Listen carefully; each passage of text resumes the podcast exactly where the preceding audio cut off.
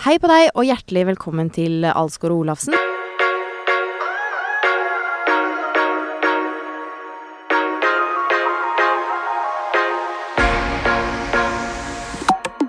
Det vil si, i dag er det ikke Alsgaard, men Danke Ja. som eh, er eh, medprogramleder. Ja, og jeg må nesten bare beklage på forhånd, da. eh, Fordi jeg og Thomas Asgaard vi har ekstremt lite til felles. Det har dere, men desto gøyere og mm, riktigere, føler jeg. Men det vi har til felles, da, som vi kan etablere med en gang, det er at vi har jo en eh, veldig eh, sterk matinteresse begge to. Mhm. Og den kan jo komme til nytte i dag, tenker jeg. Absolutt. Vi får nemlig besøk av Christer Rødseth. Ja, han er kokk. Han er, føler jeg, businessmann. Han er også programleder. Han er i sosiale Kjendis, medier. Altså, jeg føler han er bare sånn all over the place. Han gjør så mye forskjellig, eh, så det er egentlig perfekt at du er med i dag. Og fordi Thomas da, eh, er, som dere som har hørt på podkasten vår eh, litt det, Jeg har kanskje skjønt at han har behov for litt egentid. Han er å ha egentid. Han har egentid, men det som er, Helene, dette må vi også på en måte ta litt på Eller jeg tar det på min kappe som, som ansvarlig. Ja. Eh, og det er at eh, jeg sa til Thomas eh, Vi visste jo at han skulle ha egentid. Ja. Vi visste at han skulle av gårde. Eh, dere har egentlig fått med dere utstyr, sånn at vi skal kunne spille inn episoder uansett hvor dere er. Ja. Men jeg sa eh, at eh, nå skal du få deg en ukes pause. Det sa jeg til den. Ja. Så han har reist av gårde uten utstyr, og det skal han ha god samvittighet eh, for. Men så var det liksom, eh, med tanke på alt som har skjedd og, eh, i helga altså Det er liksom noe med å få snakka litt om det og debrifa og ja, i Ja. hele tatt. Det føler jeg er eh, veldig fint at vi får inn Christer og får snakka litt om det først som sist. Det er Ja. viktig å adressere det, for det er jo i hvert fall det jeg har tenkt mest på de Ja. siste dagene. Og det tror jeg gjelder veldig mange. Enig. Så da, da kjører vi på med Christer. Jeg vil også bare si at eh, han skal også få svare på en hel del spørsmål om både om det går an å være sunn i sommer med mat. Ja. For at jeg prøver å være det, men det er vanskelig. Eh, og så har jeg lyst til å grave litt i bare det derre I alt han driver med, liksom. Hvordan Er det ikke for mye? Mm. Ja. Enig. I'm Sandra, and I'm just the professional your small business was looking for. But you didn't hire me because you didn't use LinkedIn jobs. LinkedIn has professionals you can't find anywhere else, including those who aren't actively looking for a new job but might be open to the perfect role, like me. In a given month, over 70% of LinkedIn users don't visit other leading job sites. So if you're not looking on LinkedIn, you'll miss out on great candidates like Sandra. Start hiring professionals like a professional. Post your free job on linkedin.com/achieve today.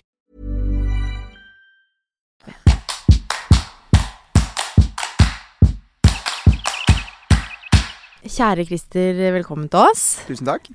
Veldig hyggelig å ha deg her. Eh, Vi skal uh, prate om litt forskjellig, vi. Men vi, uh, først så må ta det viktigste. For et et par helger siden så posta du at du var på tidenes første pride i Aurskog, Ja. der du er fra.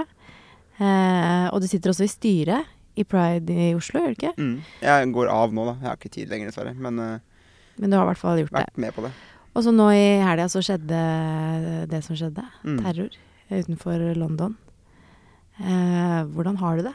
Altså, nå har jeg det ganske greit. Lørdag var jeg skikkelig tom, liksom. Jeg hadde ikke, Så dagen etter, eller påfølgende dag, så jeg hadde eh, Det var sikkert en blanding at jeg var litt fyllesyk også, da, men jeg var bare helt sånn Jeg var helt tom og gikk sånn kronisk. Jeg kjente på sånn tårene var pressa på. Mm. Jeg sto i køen til Elsker da jeg hørte skuddene.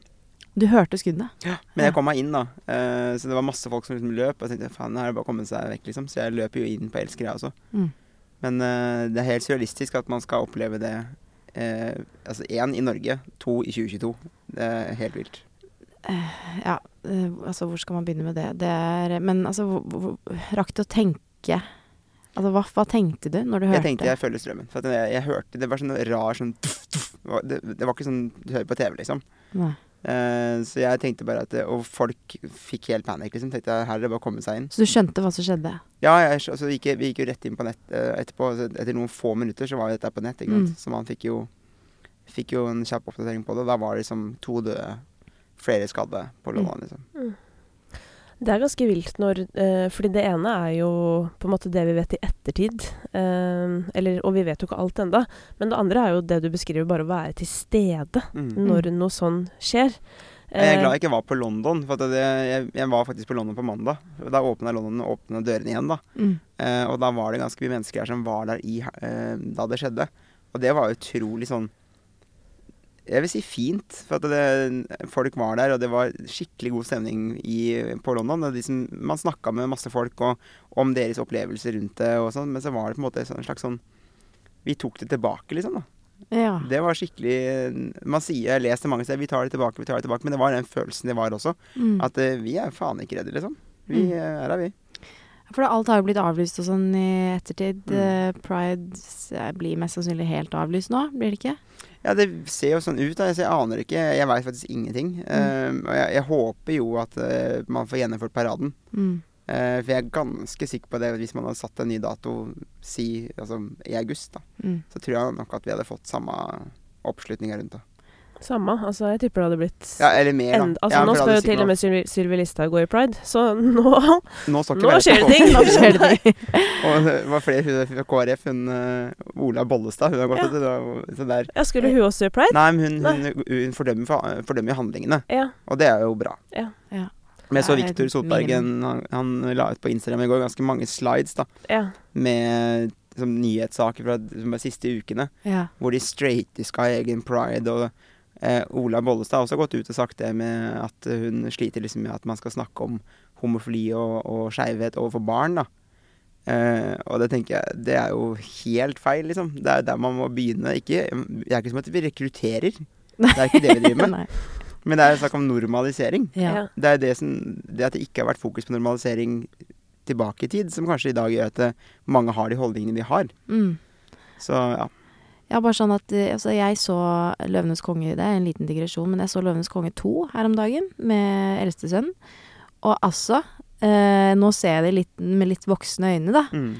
Og for en altså sånn eh, tosomhet, altså sånn heteronormativitet. Altså bare sånn Det er en jentesjiraff, en guttesjiraff. En Mm. jenteelefant, en gutteelefant. Og det er liksom eh, Ja. Er ikke, ikke snakk om noe annet. Det, jeg Mens det i var- tidenes beste Disney-film som er laget i historien, altså 'Kongeriket fra Lama', Ja. så er det jo en scene hvor uh, de kler seg ut uh, Krunk og han prinsen kler seg ut som uh, han, eh, Prinsen er dame, ja. og så kommer hun der fantastiske servitøren som er sånn stereotypisk fra Unnskyld, Hønefoss eller et eller annet sånt. Ja. Modig å komme ut av skapet. Og det er sånn Den filmen er laga på 90-tallet, liksom. Ja, så det er igjen, så det er jo en krysning. Men ja, det er Mm. masse heteronormativitet. Nei, hva kalte det? Ja. ja, det var det ordet. Ja. Jeg har lært det på lærerhøgskolen. Ja. Jeg har ikke gått lærerhøgskolen. Jeg har gått yrkesfag. Jeg har ikke fullført, men uh, hva, hva tenker du liksom uh, Det har blitt skrevet uendelig mye i det siste, men hva er Hvorfor er pride viktig, mener du? Altså, Pride er jo et begrep som egentlig for meg ja, handler om kjærlighet, liksom. Altså kjærlighet for alle. Mm. Jeg tenker jo om homofile, heterofile, skeive, binære Altså alle Mm. er velkommen til pride. For Ja. det, det er en feiring av kjærlighet. Og så er det jo mye regnbueflagg, ikke sant. Og det er jo eh, Men det er viktig fordi man ser jo hvorfor det er viktig nå, når man ser hva som skjer rundt i verden. Det er jo titalls land hvor det er kriminalisert fortsatt. Mm. Selv i Europa, liksom. Um, så det er, pride er viktig for at man liksom Det handler om aksept, da. Mm. At man ak aksepterer alle mennesker man møter. Og det har jeg en sånn holdning til uansett. Fordi det er veldig mye, mye dømming i samfunnet. sant? Folk dømmer basert på hvem de ser, eller hva de ser. Mm. Og det prøver jeg liksom å, så ofte jeg kan å si noe om. da, sånn som at det, Når du møter et menneske, så er det mye bedre å se dem i øya. Så nå ser jeg en danke rett i øya her.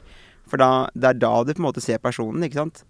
Eh, ikke se på alt mulig annet. Eh, kanskje noen er skada, men det er så mange som be bare dømmer. Det er så Mm. mye dømming, og det er så mye fokus på negativitet og det skulle snakke dritt om folk. Mm. Og det er jeg møkk lei. Men jeg har et eh, lite innspill på hvorfor pride er viktig også. Og det er jo at jeg føler at vi som har vokst opp i i nærheten av hovedstaden. Helene, vi er jo fra samme sted, Mm. liksom. Eh, det er så lett for oss å tenke at liksom alt er greit. Mm. Fordi det er greit for oss. Mm. Eh, fordi vi har vært vant til å se mennesker fra liksom alle kulturer. Vi har vært vant til å ha folk med ulike seksualiteter rundt oss, og vi er sånn Konge, be you. Eller du vet Mm. sånn. Vi har jo feiret pride så, siden det ble feiret. Men vi glemmer kanskje da at det fins faktisk veldig mange fortsatt rundt oss da, i samfunnet som ikke er der vi er, på en måte. Ja, det er ja, for, altså, in, Du sier sånn Det er kriminalisert i, altså selv i Europa. Mm. Men i Norge så har jeg tenkt sånn Herregud, altså, syns ikke alle det er greit nå? Eller sånn ah, Ja, jeg har tenkt det selv. At det, er sånn, jeg, og jeg er jo ikke redd eh, liksom, for at jeg, jeg kommer ikke til å hoppe inn i skapet igjen og bare Jeg angrer. Det er litt for seint, tror jeg. Ja, sånn. det er sånn 16, 16 år siden jeg kom ut i skapet. Så. Men um, jeg, det jeg kanskje frykter nå, er at folk blir redd igjen da, for å komme ut. Liksom. Fordi man, man hører stadig vekk historier om unge mennesker som er redde for å komme ut av skapet. Som er redde for å si det til foreldrene sine, for er redde for å si det til vennene sine. mm, Eh, og sånne handlinger som skjedde nå i helga som var, så er det Det hjelper ikke på, og heller ikke når voksne mennesker, som da altså politikerne våre, som har et ganske sånn bredt talerør, når de får komme fram med sine, for det er mye personlige meninger. Sånn som Mm. den derre familie- og likestillingsministeren, altså at hun fikk den jobben, det skjønner jeg ikke. Mener at surrogati skal straffes. Ja. Hvis du kommer med, inn til landet med surrogatbarn. For de stakkars barnet det kanskje ikke blir henta, så da blir det for mange barn i verden. Altså, jeg husker ikke, Det var en sånn flåsete kommentar. Ja. Nå er ikke hun her for å forsvare seg, men Nei. uh... Nei, men det driter jeg i. Uh, det her er Det her er monolog. ja. uh, altså, jeg, jeg, jeg kjenner jo åssen det er i media også. Ting kan bli framstilt på andre måter. Sitater brukes på sånn sånn. Jeg veit åssen det er, ikke sant. Men Mm. Jeg misforsto ikke, tror jeg, da, den artikkelen der. For hun sier jo det at hun er redd for at det barnet ikke skal bli henta. Mm. Og jeg kan med hånden på hjertet si, som en mann som vil ha barn, og som er homofil, eller skeiv, da eh, Når du har brukt 1,5 million kroner på et barn, Mm. så stikker du Du, driter ikke i å stikke og hente det ungen. Du glemmer ikke å Ja, det, det er ikke sånn at det, det trenger du ikke å ha i kalenderen, liksom. Det, det er noe du virkelig ønsker, og de barna er jo så ønsket. Og det handler ikke bare om skeive. Det er mange heterofile. Det er ikke flere heterofile som bruker, bruker surrogati. mm. Og det barnet er jo så ønsket og kommer til å bli så elsket, så det Nei, da ble jeg provosert, altså. Jeg merker du- det nå. Ja, jeg kjenner jeg blir sint. Men kan du si noe om, fordi dette er det mange som ikke har innsikt i, Mm. det å være mm, skeiv og ville ha barn, eh, hvor vanskelig er det? Altså, det er vanskelig for alle Det, det fins jo flere løsninger. Liksom. Jeg hørte jeg, jeg ventet med et vennepar på Elsker for et par uker siden. Og de hadde en løsning hvor de, da, de gutta hadde gått sammen med et, et lesbisk par. da Mm. Mm. Og så hadde de på en måte bare De hadde fiksa det sjøl. Ja. Ja. Det er på det- mange måter den enkleste Ja, løsningen det er det rent absolutt praktisk. Kjempepraktisk, og du sparer mye penger på det. Ja. Eh, Men hvis man ikke har den muligheten, da? nei, Hvilke det er muligheter for, er det? for hår- uh, homofile eller menn, menn da, så vi, vi, ja, vi må jo på en måte Det er surrogati er jo en løsning. Adopsjon er en løsning. Uh, man kan ha fosterbarn. Det er flere måter å gjøre det på, liksom. Mm. Eh, for jenter så er det jo altså, i hermetegn litt enklere ved at man kan reise til Danmark, eller man kan få sendt også uh, sperm fra en donor til Norge og få bli inseminert her. Mm. Nå har ikke jeg liksom lest meg kjempemye opp på alle løsningene, men det er iallfall Men for, spesielt for homofile menn, da, så er det jo Og hvis du vil ha biologiske barn, så er det surrogati som gjelder. Mm. Og hvor mye koster det? Det varierer. Altså, jeg har ikke liksom begynt å gå helt ned i matrisen ennå på alt, men jeg hører summer som sånn halvannen million Ja. per barn. Eh, og så er det andre land hvor du betaler to, men da er du sikra to unger. Okay. Eh, fordi jeg tror det er Colombia, er og da får du sånn tobarnsgaranti. Ja. Og det også er litt sånn rart, men, Mm. eh, men eh, i USA så tror jeg det er rundt halvannen million per, eh, per unge. Ja, rundt der. Men Mm. da er det også ansvarlig der. Da står det som sånn slags forsørger, tror jeg, for den surrogaten også, i, det, i, i under de ni månedene hvor er, hun er gravid. da. Jeg skjønner. Så hvis hun blir syk, eller noe skjer, så er det liksom du som må dekke det. Ja. Pluss at du skal da reise ned flere ganger liksom, frem og tilbake. Det er vel det som også gjør det dyrt. Du må reise til USA flere ganger i løpet av den perioden. ikke sant. Én ting er liksom for å selve prosessen med insemineringen av dette egget. Det gjør man jo ikke sjøl, åpenbart, men du Mm. må jo ned og levere fra deg dråpene. Og Ja. så må du Eh, Så det er, det er ganske mye greier. Mm. Jeg har skjønt at adopsjon også ikke bare er enkelt nødvendigvis. Nei, jeg det er mulig jeg har misforstått, men jeg tror faktisk ikke homofili, homofile får lov til å adoptere i Ja. Norge. Men jeg tror det bare er fra noe Jeg lurer på om det kanskje bare er fra Colombia, apropos. At det liksom eh, Mm. Det er bare Jeg lurer på om det er det eneste landet som som i gåsetegn Altså, eller faktisk, da, tillater det. Mm. Eh, Jeg, jeg sier feil for at jeg tar feil, men i Norge så vet jeg, jeg har jo homofile venner som har barn, som har, men det er da fosterbarn på livstid, tror jeg det man kaller det, liksom. mm. Så du har, ungen er jo din, det er jo ditt etternavn og sånt, men det er bare en sånn formalitet. Ja. Et papir, liksom, som ikke blir fylt ut. Mm. Forsto jeg på han som jeg snakka om det. Mm. Og det er litt sånn når vi snakker om det her, så tenker jeg sånn eh, hvis, hvis sånn som du, da, eller hvis du ønsker deg barn, liksom, Mm. så er på en måte eh, det vanskelig. Det, er- det er mange ting som er vanskelig her uansett. Når man velger et liv som er annerledes enn det som tradisjonelt har vært liksom A4.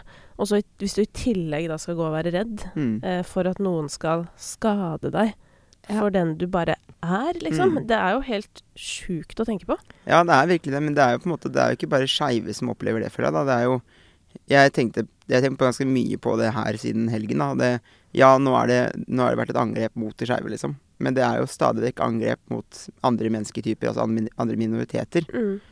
Og det er det derre det derre hatet som bygger seg opp, som ikke jeg helt klarer liksom å wrappe huet mitt rundt. Mm. Hvorfor skal man gå rundt og bruke masse energi og tid på å hate? Mm. Man ser liksom eh, kommentarfelt på Facebook-ligaen.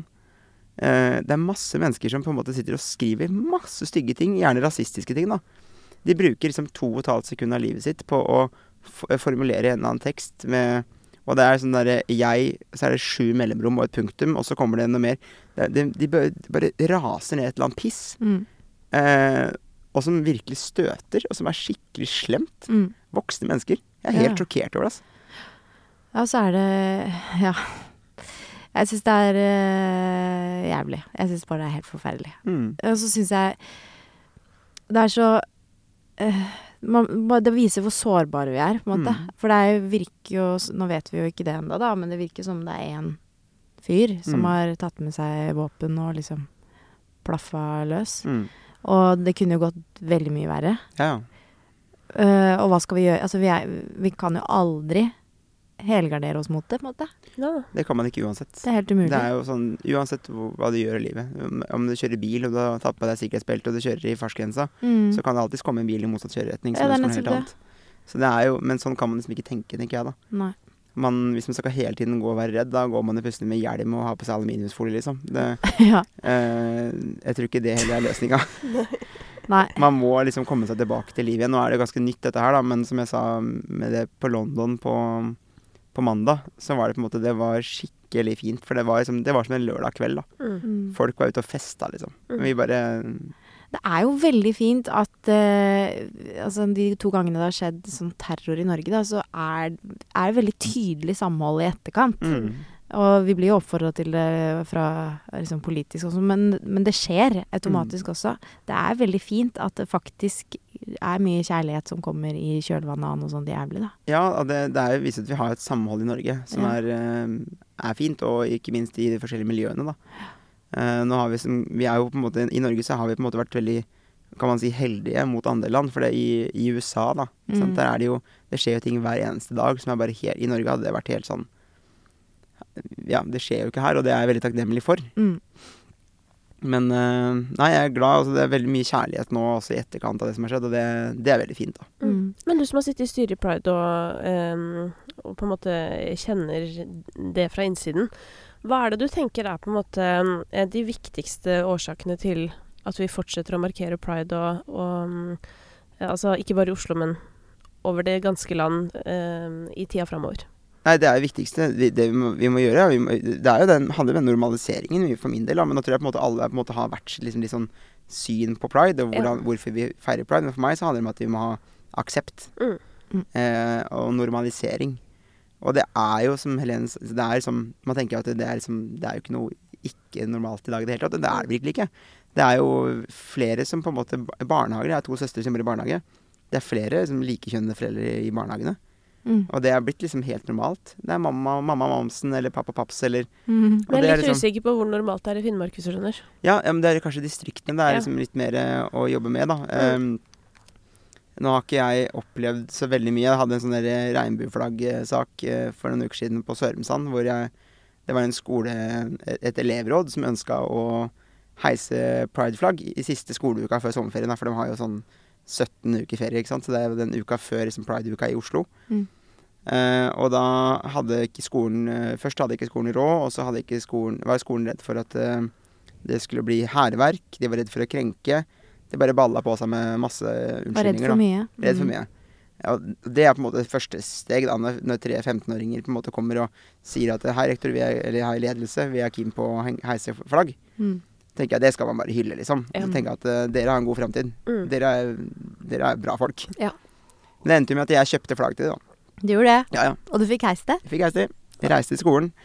Eh, og men det er jo nok en gang et lite sted, da. Og når man er redd for at man skal krenke noen fordi det henger prideflagg, det tenker jeg det er sånn. Mm. Og jeg også fikk jo hat i kommentarfelt. Det har dere sikkert begge to opplevd også. At man får, man får jo en del hat i kommentarfelt når man får et litt mer kjent ansikt, da. Ja, men vi får det ikke på legning. Nei, det kan du si. Man får det for mye annet, men dere har sikkert fått fordi det har brukt feil Jeg har fått barnevogn. mye på kjønn, faktisk. ja. Har du? Ja, ja, ja. ja. På kjønn? Absolutt. Ja. Er det sant? Mye sånn Men det var mye back in the days, da. Men, uh, men jeg rappa jo da jeg var på mine veldig yngre dager. Ja. Og det skulle jo ikke kvinner gjøre, må vite. Så Nei. jeg har fått kjørt meg noe så inn i helvete, og snakka mye med Oral B faktisk om dette. Fordi ingen i musikkens verden har fått uh, gjennomgå mer enn oss to på den tiden. Er det sant? Ja, det er sant. Men altså det ja, men det er også da, det er, det, men det er altså sånn der stereotypisk. Noen, noen har på et eller annet tidspunkt laget en sånn der ramme Mm. for masse greier. ja. Uh, Men den opplever jeg jo at på, på veldig mange felt da, i, i livet Ja. på en måte er i ferd med å heldigvis viskes ut. Det gjør det. Ja, for at jeg må jo si at jeg har tenkt sånn Jeg syns jo det er så normalt uh, at noen er skeive. At Mm. jeg liksom syns det nesten er litt sånn flaut når man skal reise seg eh, på premieresendinga i Skal vi danse fordi at to gutter skal danse sammen. Mm. Jeg synes, liksom, Er ikke det litt meget? Altså, Har vi Jo. ikke kommet lenger? Men så skjer jo sånn som dette, og så tenker jeg sånn Nei, vi har kanskje ikke det. Nei, jeg tenker jo at det er en eh, det er, no, det er normalt for veldig, veldig mange. Ja. Altså, en, jeg, veldig, veldig mange, tenker jeg da. Ja. Det er veldig få mennesker som ikke har aksept. Ja. Men de få menneskene, de har ofte jævlig høye stemmer. Mm. Er det jeg opplever, da. Mm. Så det at vi fortsetter med to eh, menn som danser sammen i Skal vi danse, det mener jeg på en måte er en slags selvfølge. Mm. For det er helt normalt. Mm. Eh, og det vil i en stund til fremover, tror jeg, få litt ekstra oppmerksomhet. Mm. Det er jo liksom så åpenbart et eller annet vi må gjøre sammen for at ting skal bli bedre. Mm.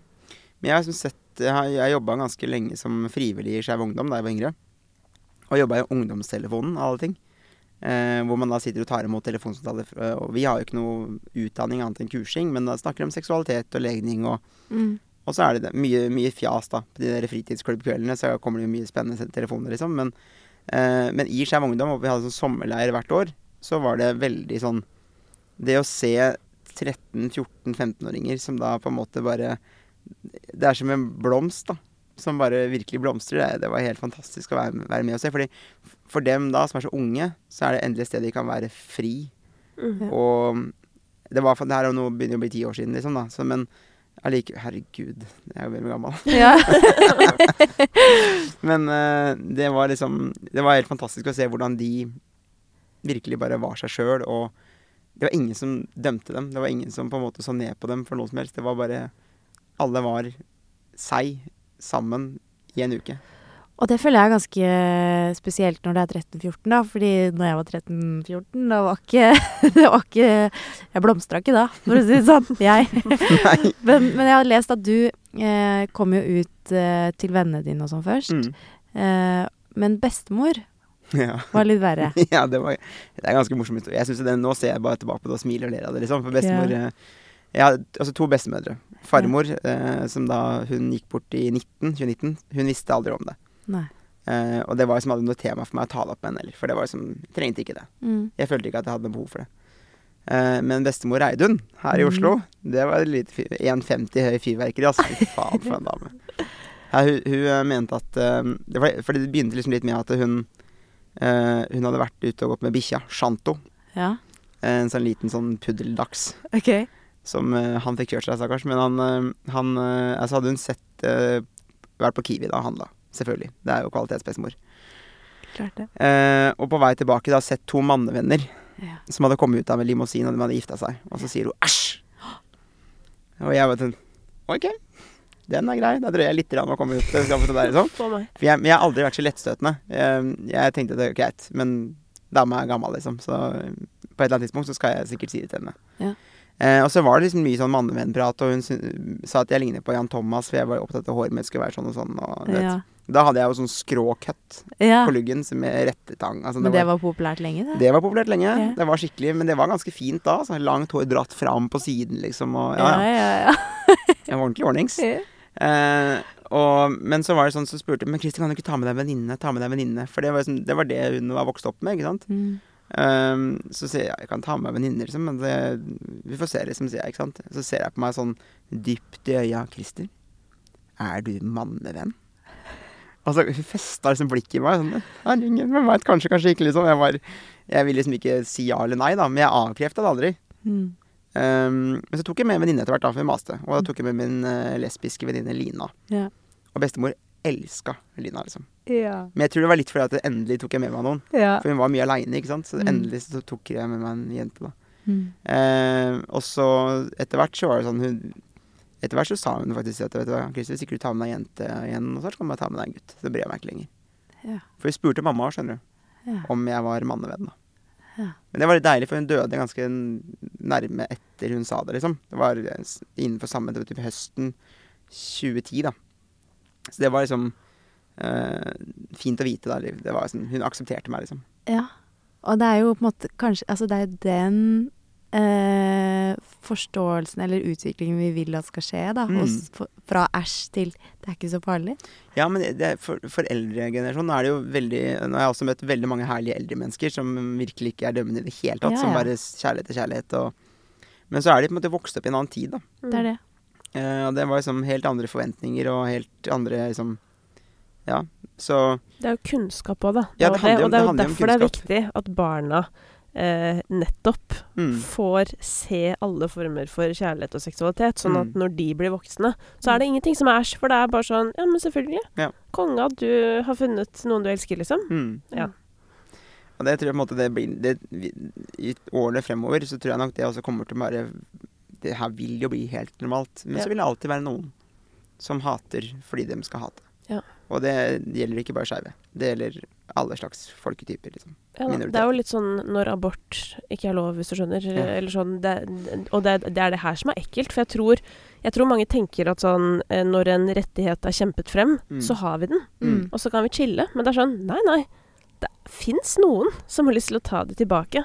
Og det tenker jeg da at det er en av hovedgrunnene til at eh, veldig mange ulike typer markeringer er viktig. For Ja. at vi må aldri ta for gitt det folk har fiksa før oss. For det fins dessverre alltid noen som har lyst til å dra oss tilbake i tid, liksom. Ja, men Raymond Johansen, han sa det. Han, han sa liksom til VG, tror jeg det var, at han eh, Vi har nok Vi tror nok at vi har kommet litt lenger enn vi egentlig har. Mm. Og det er nok realitet. Så det at vi skal feire pride fremover, det skal jeg faen meg love deg vi skal. Ja. Det, og jeg tror det kommer til å bli større enn noensinne. Det Ja, kommer det til å bli. Mye mer markering. Det kommer til å bli helt rått, liksom. Og vi kommer. Ja ja. Vi. Sjæl, altså. Ja. Jeg stiller.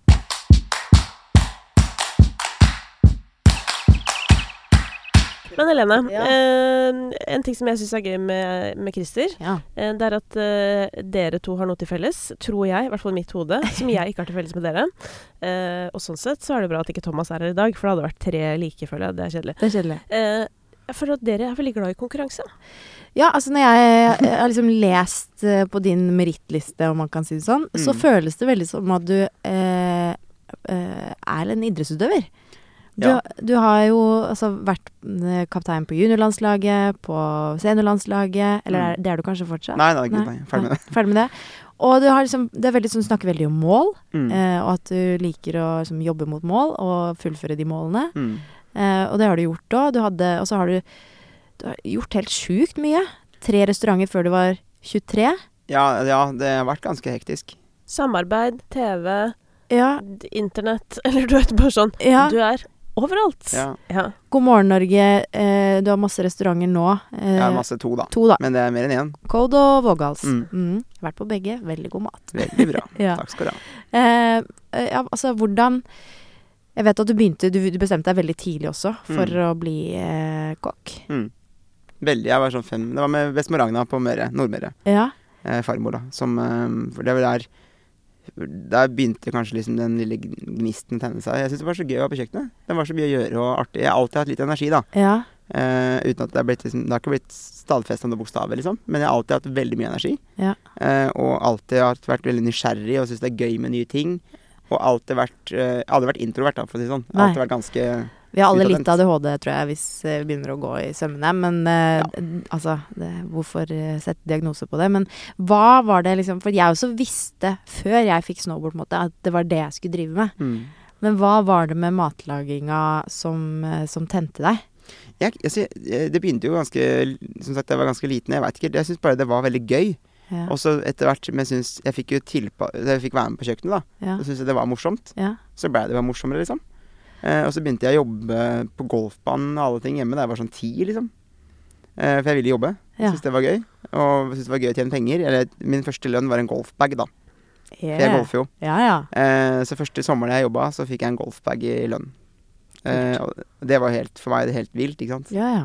Så det, det, måte, det er sånn jeg på en måte bare har skrudd sammen, tror jeg. Likte å jobbe. Likte å jobbe, likte å møte folk, likte å være, være i aktivitet. da. mm. Ikke fotball, det var jeg dårlig på. Å, fytti rakkeren. Eh, når dine egne lagkamerater går imot deg under en fotballkamp, da, tenker da, da må du bare gi deg. Liksom. Ja. Ta hintet. Det tar inte.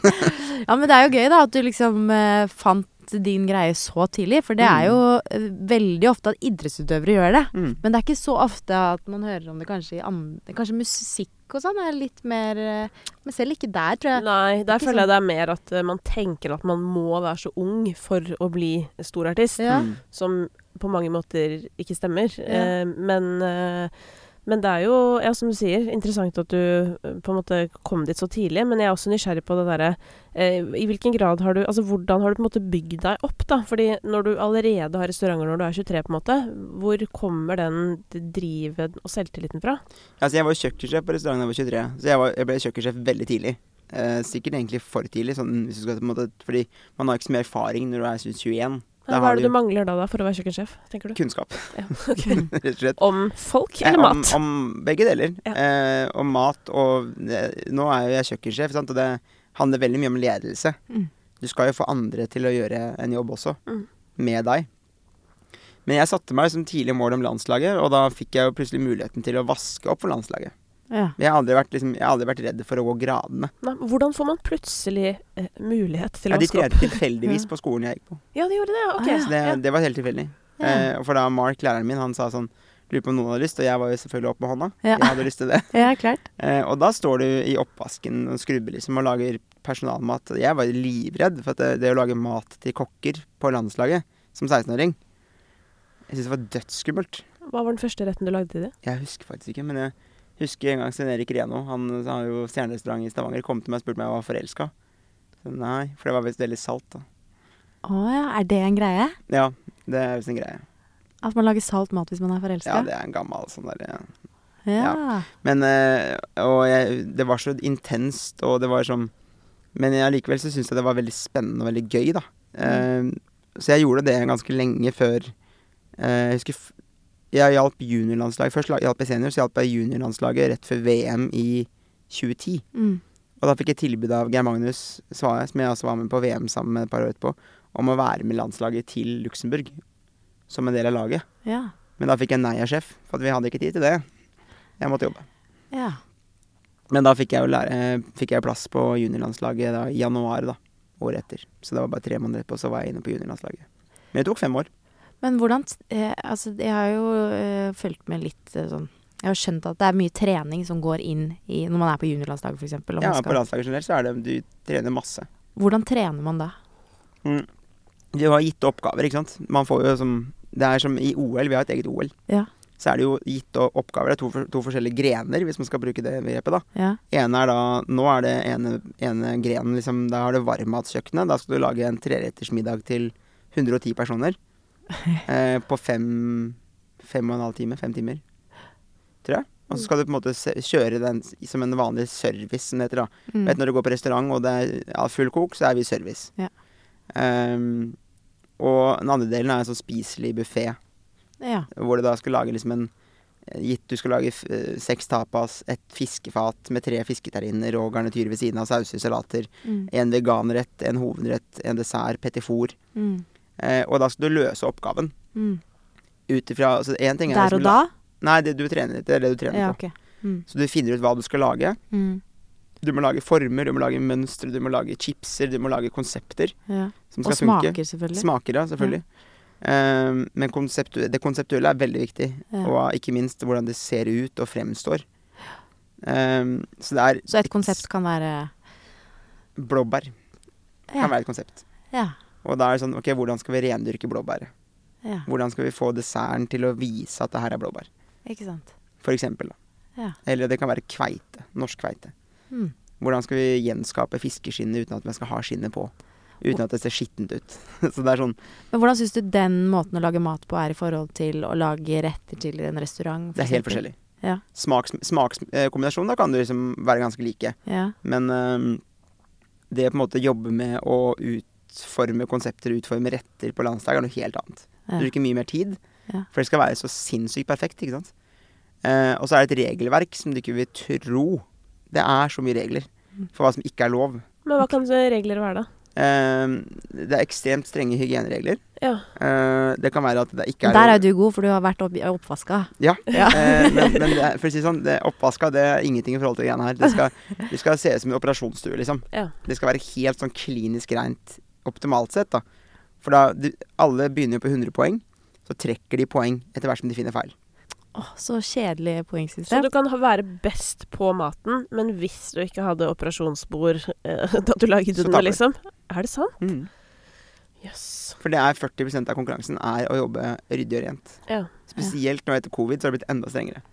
Der hadde jeg gått på en smell. Ja, sjæl. Altså, vi hadde jo da ikke kunnet blitt med på det landslaget der, for å si det ekstremt mildt. Nei, jeg, jeg er ikke noe glad i å gå fra et kjøkken som ikke er rydda. Strøkent. Det bør ikke være helt sånn 100% hjemme, liksom, men det, man må rydde etter seg, liksom. Ja man shiner og jobber, Når du lager mat middag, så shiner du underveis.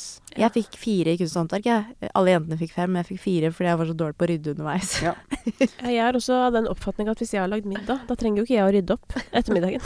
ja, Victor snakka om, en, eh, han snakket om en, en, en bra utfordring til meg. Jeg hadde vært å lage middag og bare gå fra. altså Sotberg. Eh, og det, da fikk jeg helt Nei, Kniper seg i kroppen min. Liksom. Det har jeg ikke lyst til. Men det jeg er veldig gøy med å høre dette her, da, med din, veien din inn på landslaget, for dette er jeg veldig opptatt av. Fordi Mm. det er så utrolig mange unge folk for tida som er gira på liksom å bli kjent, eller bare gira på eh, å gjøre et eller annet i underholdningsbransjen, f.eks. Og det er litt sånn, vet du hva. Du må, du må dessverre skrape på den døra ganske lenge. Ja, Kanskje jeg, i fem år, sånn som du gjorde. Må stå litt i oppvaska først. Ja. ja, men, men Og da kan man tenke seg ja, jeg, jeg mener også det er helt riktig, da. For hvis du på en måte Det er samme som hvis du er lærling i en restaurant.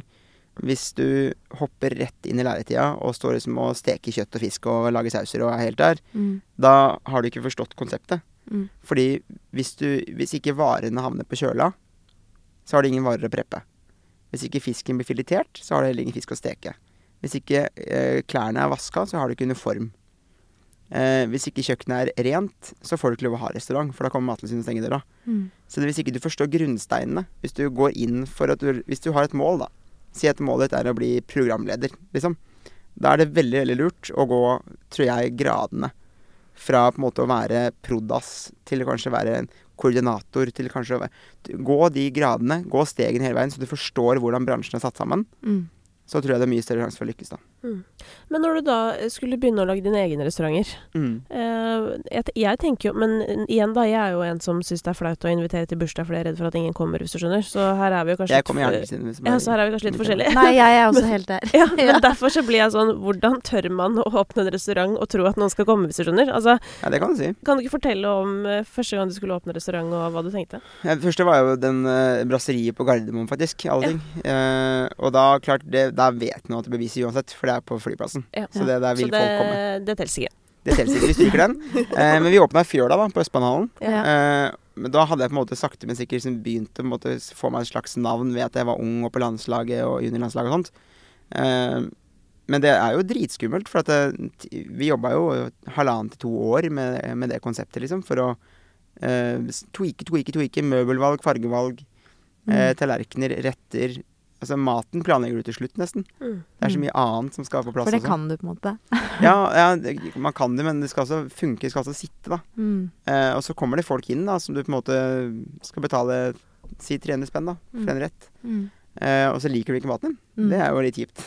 Ja, det er jo Da er Så man er alltid liksom i hermetegn redd for at man skal få dårlige anmeldelser i aviser og Ja, for dere er litt avhengig av anmeldelser, selvfølgelig. Ja, det er i hvert fall en måte å få navnet ditt, eller restauranten din kjent og ut på, da. Mm.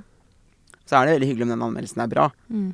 Um, men um, samtidig så er det på en måte ikke den ene anmelderen som gjør liksom omsetningen din, så du må hele tiden jobbe for å levere et godt produkt. Mm. Mm. Så jeg har en sånn tanke om at man skal alltid gjøre det samme uansett. Men når du har gått gradene selv og liksom gjort alt fra oppvaska til eh, Altså du har vært prodas, du har vært altså, på Mhm. kjøkkenet. Hvor, eh, hva er det du ser etter når du setter sammen teamene dine? Bra folk. Ja. Jeg vektlegger eh, Gode mennesker vektlegger jeg ekstremt høyt. Mm. Eh, jeg er ikke noe glad i Ja, jeg er streng, jeg er også på kjøkkenet, liksom. Men Mm. det er gjerne da i en som jeg sa, servicesituasjon, da, hvor, man, hvor det er koker, liksom, det er mye som skjer, så må man, alle må ha fokus. Mm. For det er liksom den jobben du har valgt å ta. Mm. Eh, og da må du gjøre det, liksom. Jobben din er å fokusere, lage god mat. Eh, men samtidig så har vi det gøy, vi ler, og det er kjempegod stemning, liksom. Mm. Og på Vågal så er det åpent kjøkken, så gjestene ser oss jo. Og Mm. de ser, det ser ut som dere har det så fint her inne. Ja, vi har det veldig fint her inne. Ja. Men så er det også Det er tydelig, liksom. Mm. Um, så, men jeg ønsker å jobbe med mennesker som er, er gode mennesker, og som på en måte har lyst til å gjøre en god jobb, da. Så ikke nødvendigvis de som er flinkest i utgangspunktet, men bra Jo, folk. jo du, du må ha kunnskap, men, uh, men jeg ansetter liksom ikke rasshøl. Nei, det er så bra. Vi hadde sånn regel på landslaget, sånn no asshole rule. Mm. At det var liksom Det var ikke greit. Og når man har etablert den, så er det sånn douchebag eh, rett i potta, liksom. Ja. Og så er man et lag. Man jobber Ja. sammen. Man er liksom vi, man er, vi, er, vi er 13 stykker på kjøkkenet på Ågals, ja. og vi er et team, liksom. Ja. Så alle, alle er med og gjør alt. Jeg er med og vasker kjøkken.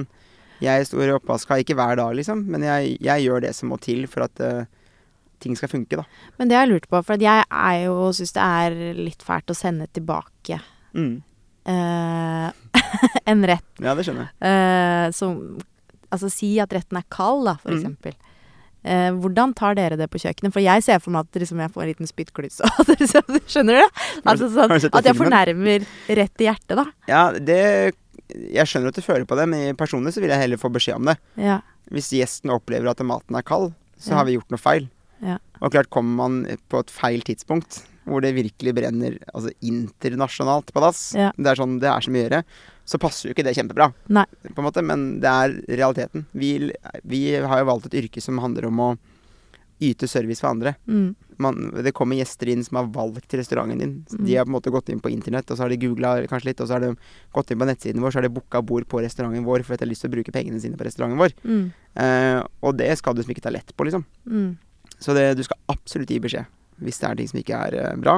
Ja. Fordi du er ute for å få en opplevelse, og det er, det er jobben vår å sørge for at du får. Ja. Men jeg har veldig altså, Ikke at jeg pleier å sende mat tilbake, pleier jeg virkelig ikke å gjøre, men jeg har veldig god erfaring med å gjøre det. Jeg tror liksom at hvis du er på det rette stedet, så blir det møtt på en god måte. Ja. Og hvis det blir møtt på en dårlig måte, så er på en måte det i seg selv sånn derre OK, men da går vi ikke hit igjen. Ja. Mm.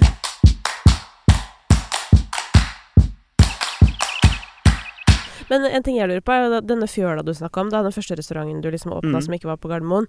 Um, det kan godt hende jeg tar feil, så rett på meg i så tilfelle, men jeg har en følelse eller en opplevelse av at Våghals eh, og kode som du har nå, på en måte går bedre. Ja, ja. Hva lærte du av driften og oppstarten med fjøla som du liksom bare åh, det må vi gjøre annerledes neste gang? ja så Vågals ble jo henta inn til så Det var en etablert restaurant, så der ble jeg jo ansatt som Mm. kjøkkensjef, og det var litt deilig. Mm. Eh, med ansvar for eh, en del folk og etc. Men der var konseptet satt. Alt var satt. Så det rammene for suksessen var jo satt før jeg kom inn. Og det var litt deilig. Mm. Eh, og med Code så var vi også fire, fire flinke folk. Da. Altså vi er fire stykker sammen som driver det. Og da er det jo fle fire forskjellige erfaringer fra Mm. forskjellige ting som gjør at det blir bra til slutt. Mm. Det er ikke en enkeltmenneskets liksom, handlinger. Det handler om de fire som da gjør jobben sammen. Da. Mm, men hva er din viktigste læring, da? Fra, fra før du på en måte gikk inn i det, som du tenkte sånn åh, neste gang så må vi passe på å Det første jeg, etter jeg åpnet Fjøla, så sa jeg at jeg skal aldri åpne restaurant igjen. Ikke sant? For det er umiddelbar følelsen du får når du har åpna restaurant. Hva er det som fremkaller den følelsen? Ah, det er så mye jobb. Du er så sliten, og du, du, er, så knekt og lei og Ja. Du er så ødelagt etter å ha åpna restaurant. Men hvordan er det sånn Jeg eh, husker ikke de første tre månedene da vi åpna Code, liksom. Det var helt sånn blurry. ja. Hvor ofte fornyer dere Altså sånn, jeg tenker sånn, Dere har jobba i to år med å Mm. lage konsept, med å lage, og til slutt så kommer maten, og så er det der. Og så ser jeg for meg at det er litt som en sånn teaterforestilling. At du, Mm. liksom skal, du skal gjøre det. samme hver eneste kveld. Mm. Uh, blir du liksom Hvordan er det for deg som tydeligvis liker å gjøre liksom, nye ting og forskjellige ting? Og, Ja, det, akkurat det på en måte er syns jeg er, er veldig greit, da. Jeg Ja. synes det, det er liksom Det er eh, veldig fint, egentlig. ja. For da er vi konsekvente. Så du har ikke hatt lyst til å liksom bare Vi lager forskjellig hver dag? Nei. Nei. Nei? Ikke litt engang. Nei? For det er et helvete. Begynne okay. på nytt hver kveld. Det er mange restauranter som gjør det, og all ære til de. Ja. Eh, men jeg hadde ikke orka det, altså. Hver eneste dag. Også, fordi jeg har liksom kom, vært gjennom ganske mange ting gjennom livet mitt. Ikke sant? Med åpne restauranter, men jeg har også slitt masse med angst og panikkangst. Jeg ble jo hjerteoperert i fjor. Hæ? Ja, jeg bytta hjerteklaff jeg, i november i fjor. Ja. Eh, så det er så mange erfaringer man har gjort seg i løpet av livet, at det er på en måte ikke Jobb er ikke alt. Nei. Ja, jeg elsker jobben min. Jeg elsker å jobbe i restaurant. Jeg elsker å jobbe i God morgen Norge. Jeg elsker alt. Kjempegøy. Jeg har det kjempebra. Men jeg gjør kun ting jeg har lyst til å gjøre. Mm. Og jeg har ikke lyst til å bytte meny hver dag. Men du, nå er du inne på noe spennende, fordi Ja. dette her er jo eh, noe man ofte må erfare en del for å komme til. Den Mm. der tydeligheten på sånn Hva er det jeg skal bruke tiden min på? Mm. Um, og panikkangst er jo for mange, i hvert fall for meg, en sånn greie som gjør det veldig tydelig sånn Nå er det noe gærent. Mm. Ja. Dette må fikses. Og det betyr at nå er det noe som ryker. mm. Eller sånn. Ja. Eller noe som kommer til, da. Jeg starta jo firma, f.eks., så det, det kan jo føre til mye forskjellig. ja. Men hva eh, vil du si er den liksom, viktigste læringen du har fått av hva skal jeg si, å gå på sånn type smell? da? Altså det, det som jeg sa, at sånn Hvis du, hvis du går inn i noe som ikke gir deg en god følelse, slutt. Ikke, ikke bruk tid på det. For det er så, jeg ser så mange eh, som på en måte bruker masse tid på å De skal spare så og så mange tusen i måneden. De skal trene så og så mye. De skal gjøre sånn, de skal gjøre sånn, de skal gjøre sånn. For det er på en måte Det er bra. Det er fint, liksom. Men hvis du på en måte skal Du, du må leve livet ditt. Du har ett liv å leve. Eh, det er det jeg på en måte har innsett. da Du har liksom det ene livet på forhåpentligvis da 90 et eller annet år, da. Mm. Eh, og du får ikke til. Jeg skal bikke 100, altså. Sjæl, ass. Ja. Jeg er jævlig god gener. Og den klaffen min nå, den er helt panser. Det er liksom, det er titan. Titanium. Ja, er det det? Det er det, Den er dritkul. ja. Um, altså jeg tenker sånn, Hvis du på en måte går inn i ting i livet som du, måte, du møter motstand, du møter, kjenner at du, du jobber et sted hvor du på en måte ikke får noen god følelse, du, du får en sånn vond følelse i kroppen når du går inn på jobb etc., så ta det signalet. Og så må du enten må du bearbeide det der, der og da og med en eneste gang, eller så må du gjøre noe annet. Fordi den der smellen du kan potensielt få, den er ikke noe kul. Hva var det som ga deg panikkangst? Vet du, altså, jeg vet veit du liksom ikke helt kilden, men det er en blanding av flere ting. At jeg, jeg jobba vanvittig mye. Da var det liksom både landslag og jobb, og det var masse som foregikk samtidig. Mm. Eh, og i tillegg da, var- jo, da var jo da Farmen-kjendis og sånt eh, gikk på TV, og det ble Matsjokket, og det, Mm. det var Alt var jo kjempegøy, og vi åpna Code oppi Mm. alt der. Så alt var jo kjempegøy, sant. Mm. Men så ble det likevel sånn overload, da. Ja. Og det det ble for mye, Ja, men jeg rett og slett. ja, mens jeg gikk på opptak med Matsjokket liksom fra ni til fire, og så klemte inn da sju timer etterpå på Vågals. Ja. Eller på Code. Helst begge ting samtidig. Um, så jeg kjente jo på en måte på meg at jeg virkelig liksom Jeg, jeg strakk den strikken, da. Mm. Uh, og det Man kan strikke, strekke strikken ganske langt i en periode, men så må du ta noen steg tilbake. Så må du liksom roe deg ned. Du må bremse, du må reise. Ta ferie. Være med folk du er glad i. Folk som ikke du føler at du må være noe andre for. Bare mennesker du Alle har de menneskene i livet som man på en måte man kan bare møte opp i joggedress og nydusja hår, så man får sånn rar lugg. Eh, og Ikke sånn oppoversveis som du har nå. ikke, sånn, ikke så velstelt med hårspray som jeg er ak akkurat nå. Eh, og de menneskene er de man skal henge med Ja. når man har det kjipt, liksom. Men Helene, apropos det du spør om, da, sånn, hva var det Ja. som ga deg det? Og det, det vil jeg bare adressere, for at det tror jeg er et spørsmål som skaper veldig mye lidelse hos veldig mange. Det var derfor jeg spurte. Ja, Mm. Spesielt hos de som eh, har opplevd panikkangst, Mm. og kanskje med en gang. Fordi man blir så Det ble i hvert fall jeg. Ble helt besatt av å finne ut hvorfor. Mm.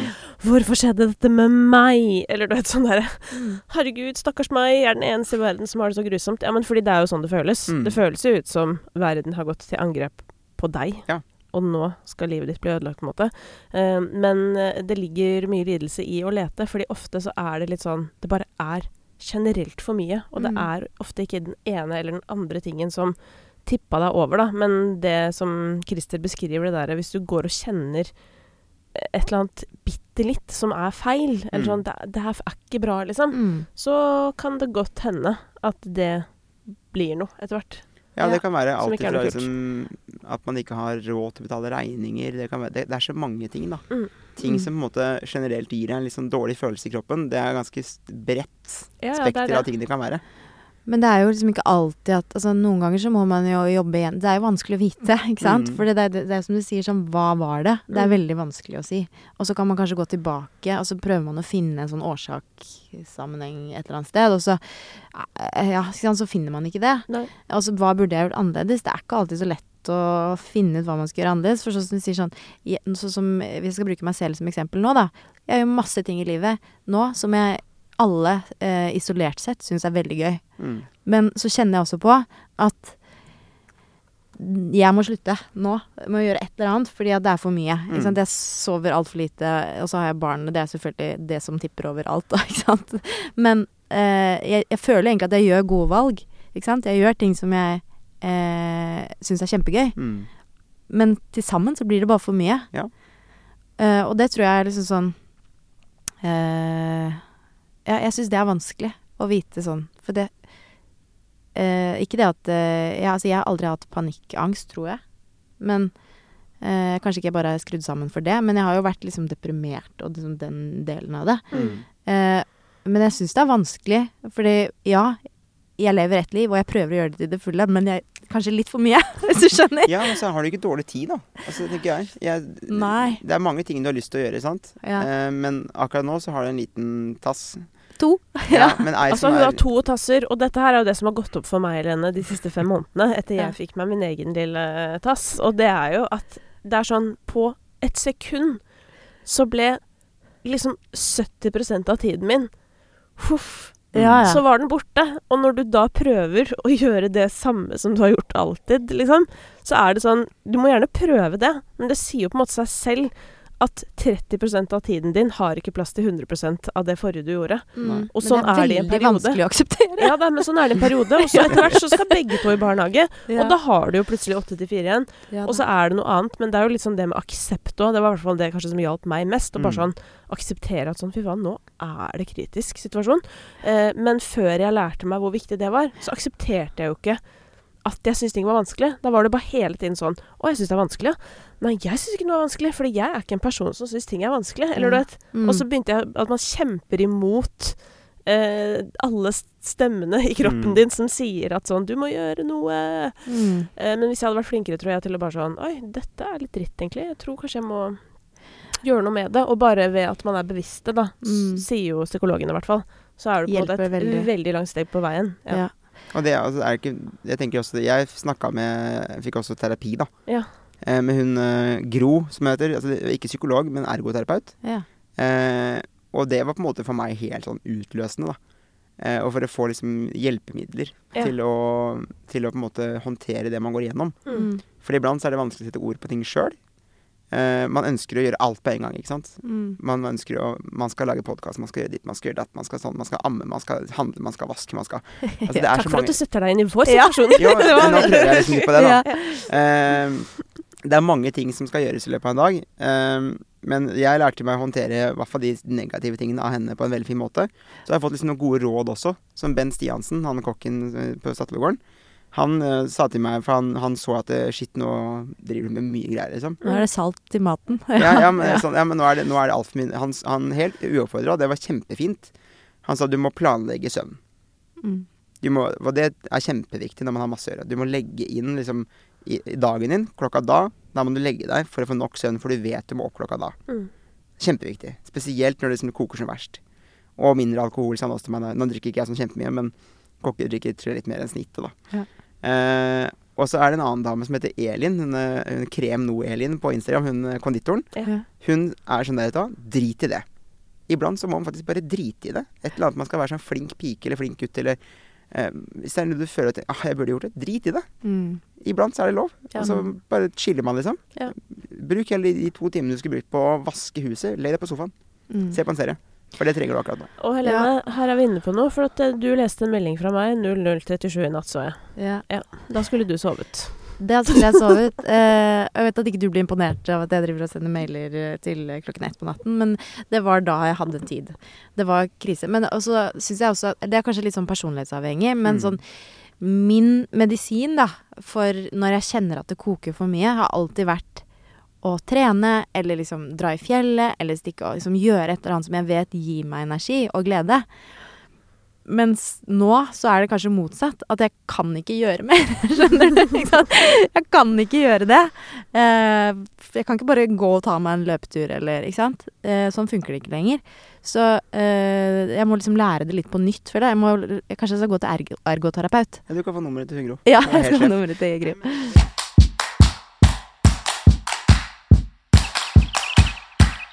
Tida løper fra oss. Ja. Eh, men eh, jeg sa til deg, Helene, at jeg stepper inn for Thomas på én betingelse. og det er at jeg får stille et spørsmål Ja. eh, som jeg trenger å stille. For eh, jeg er jo da produsenten til Helene og Thomas Mm. til vanlig. Mm. Eh, to toppidrettsutøvere som tar med seg croissant på morgenkvisten som ingen spiser. Bortsett Mm. fra meg, da, når de har gått. Ikke sant? Så sånn er det. I hvert fall. Så det jeg lurer på, Christer Mm. Jeg veit at du elsker pastaen. Mm. Eh, og det gjør jeg også, for å si det ekstremt mildt. Og jeg eh, bare lurer på Går det an å spise sunt? Ekte sunt. Eh, og godt. Ja. Men du trenger ikke å spise kjempesunt hver dag. Nei. Kan du jeg trenger, Tilbake til det vi snakka om i stad. Vi Ja. lever ett liv. Ja, og det, er nettopp, og det er jo det jeg sier til meg sjøl hver dag. Ta med litt popkorn og litt rørosmør og kose meg. Men, Ja.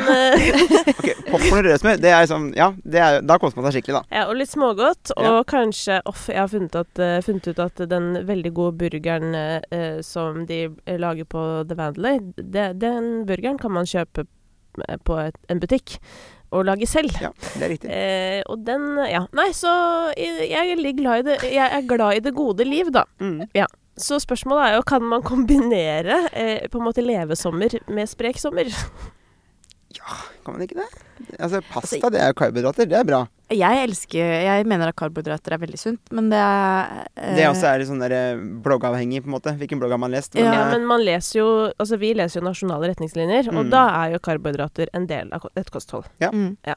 Mm. Så så den det er jo sånn grei, hvor- men hva kan du liksom Ja, men kan du Har du noe For at dette har du sikkert hjulpet andre med før. Altså sånn inspirasjon til en slags ukesmeny som er både bra, men òg skikkelig god. mm. Og som man blir mett av, fordi det er egentlig det største problemet, føler Ja. jeg. Fordi at når jeg spiser sunt, så tenker jeg, jeg lager Jeg elsker jo fisk og salat og sånn, Mm. men så blir jeg så sulten for fort. Det er fordi det er idrettsutøver, vet du. Ja, kanskje Det det. jeg er jo ikke det lenger, da. Men Ja, for jeg skulle til å si, ikke si at jeg skal lage pasta av squash, hvis du Nei, skjønner. nei, nei. nei, nei, nei, nei. Men, men, men apropos squash, altså grønnsaker, Ja. har jeg liksom fått en sånn Jeg har alltid vært glad i grønnsaker, men jeg tror kanskje de siste sånn to-tre åra så har jeg virkelig liksom fått ordentlig øye opp for det.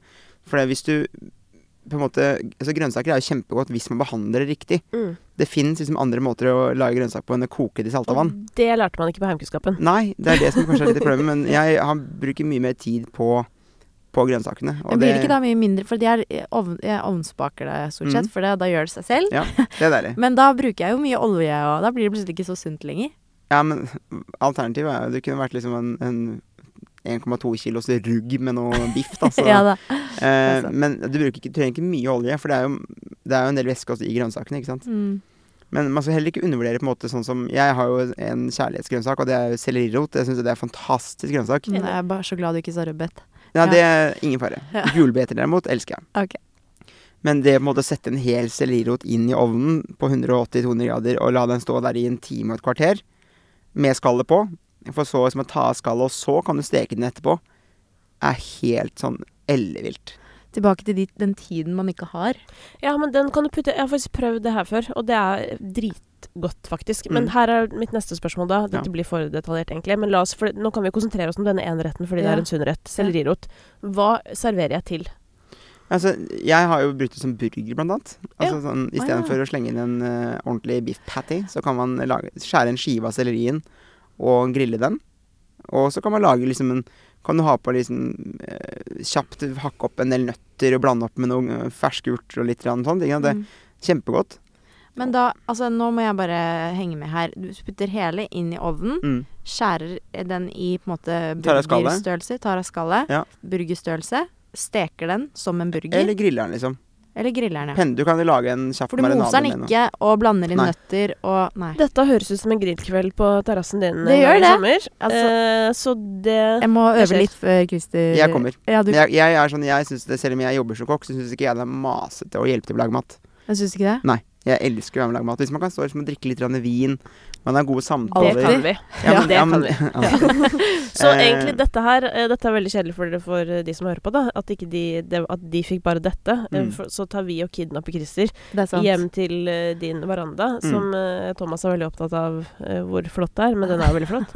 Eh, og så Jeg kunne sett med Instagram, ja, så jeg kommer gjerne en tur. så blir, det, Ja, så blir det meny der ute. Ja, det gleder jeg meg til. Ja. Tusen takk for at du kom på besøk, Christer. Dette har vært veldig fin prat. Ja, det var kjempekoselig. Og det gikk veldig fort. Ja, veldig. Jeg tør ikke sitte i en time.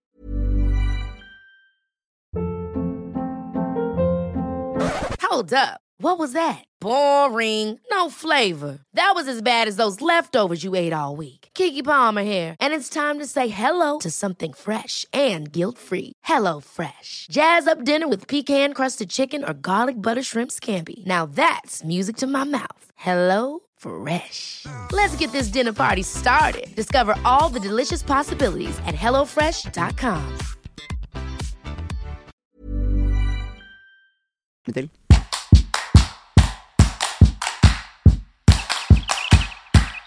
Jeg syns Christer er så fin. Han er flink til å prate. Han er dritflink til å prate. Jeg har jo sånn der um, at jeg leter Eller jeg er veldig opptatt av å følge med på når folk er gode på å snakke. For jeg blir sånn Fader, du burde brukt mer tid på det. Men han bruker masse tid på det. Altså Han er jo programleder, og han gjør jo masse Han ting gjør ved jo siden. Og jeg skjønner at han får de Han er oppdaget, på en måte. Ja, fordi han er dritgod på det.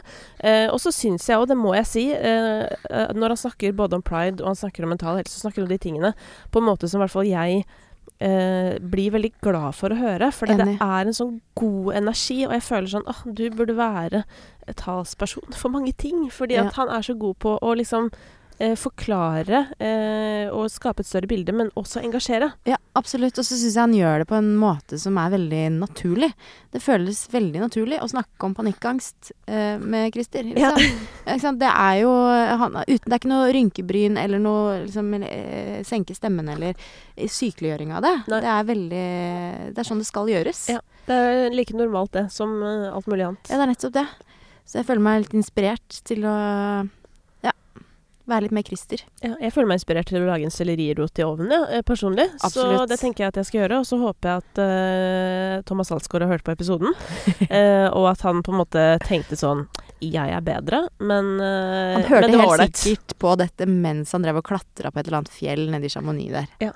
Men det syns jeg, det synes jeg han skal gjøre. Og så gleder vi oss til å ha deg tilbake, Thomas. Ja. Og jeg gleder meg til Velkommen å tilbake, Thomas. Vi savner deg litt, da. ja, sette meg bak spaken igjen, jeg, da. Ja, men eh, du kan få lov til å prate litt bak spakene. Jeg stemmer for at vi setter en liten mikrofon bort til deg også, så du kan komme med innspill her og der. Det eneste innspillet jeg har lyst til å komme med, er at når dere driver og er toppidrettsutøvere, så får jeg lyst til å ikke være det. Ja, men det er jo viktig, Ja. fordi eh, vi kan jo ikke ikke være det. Nei. Det, det, det er gjort, på en måte. Ja. Dere har vunnet. Sånn er det bare. ok, men takk for du kom, Kristine. Det er veldig hyggelig å ha deg også rett ved siden av meg, og ikke bare ovenfor.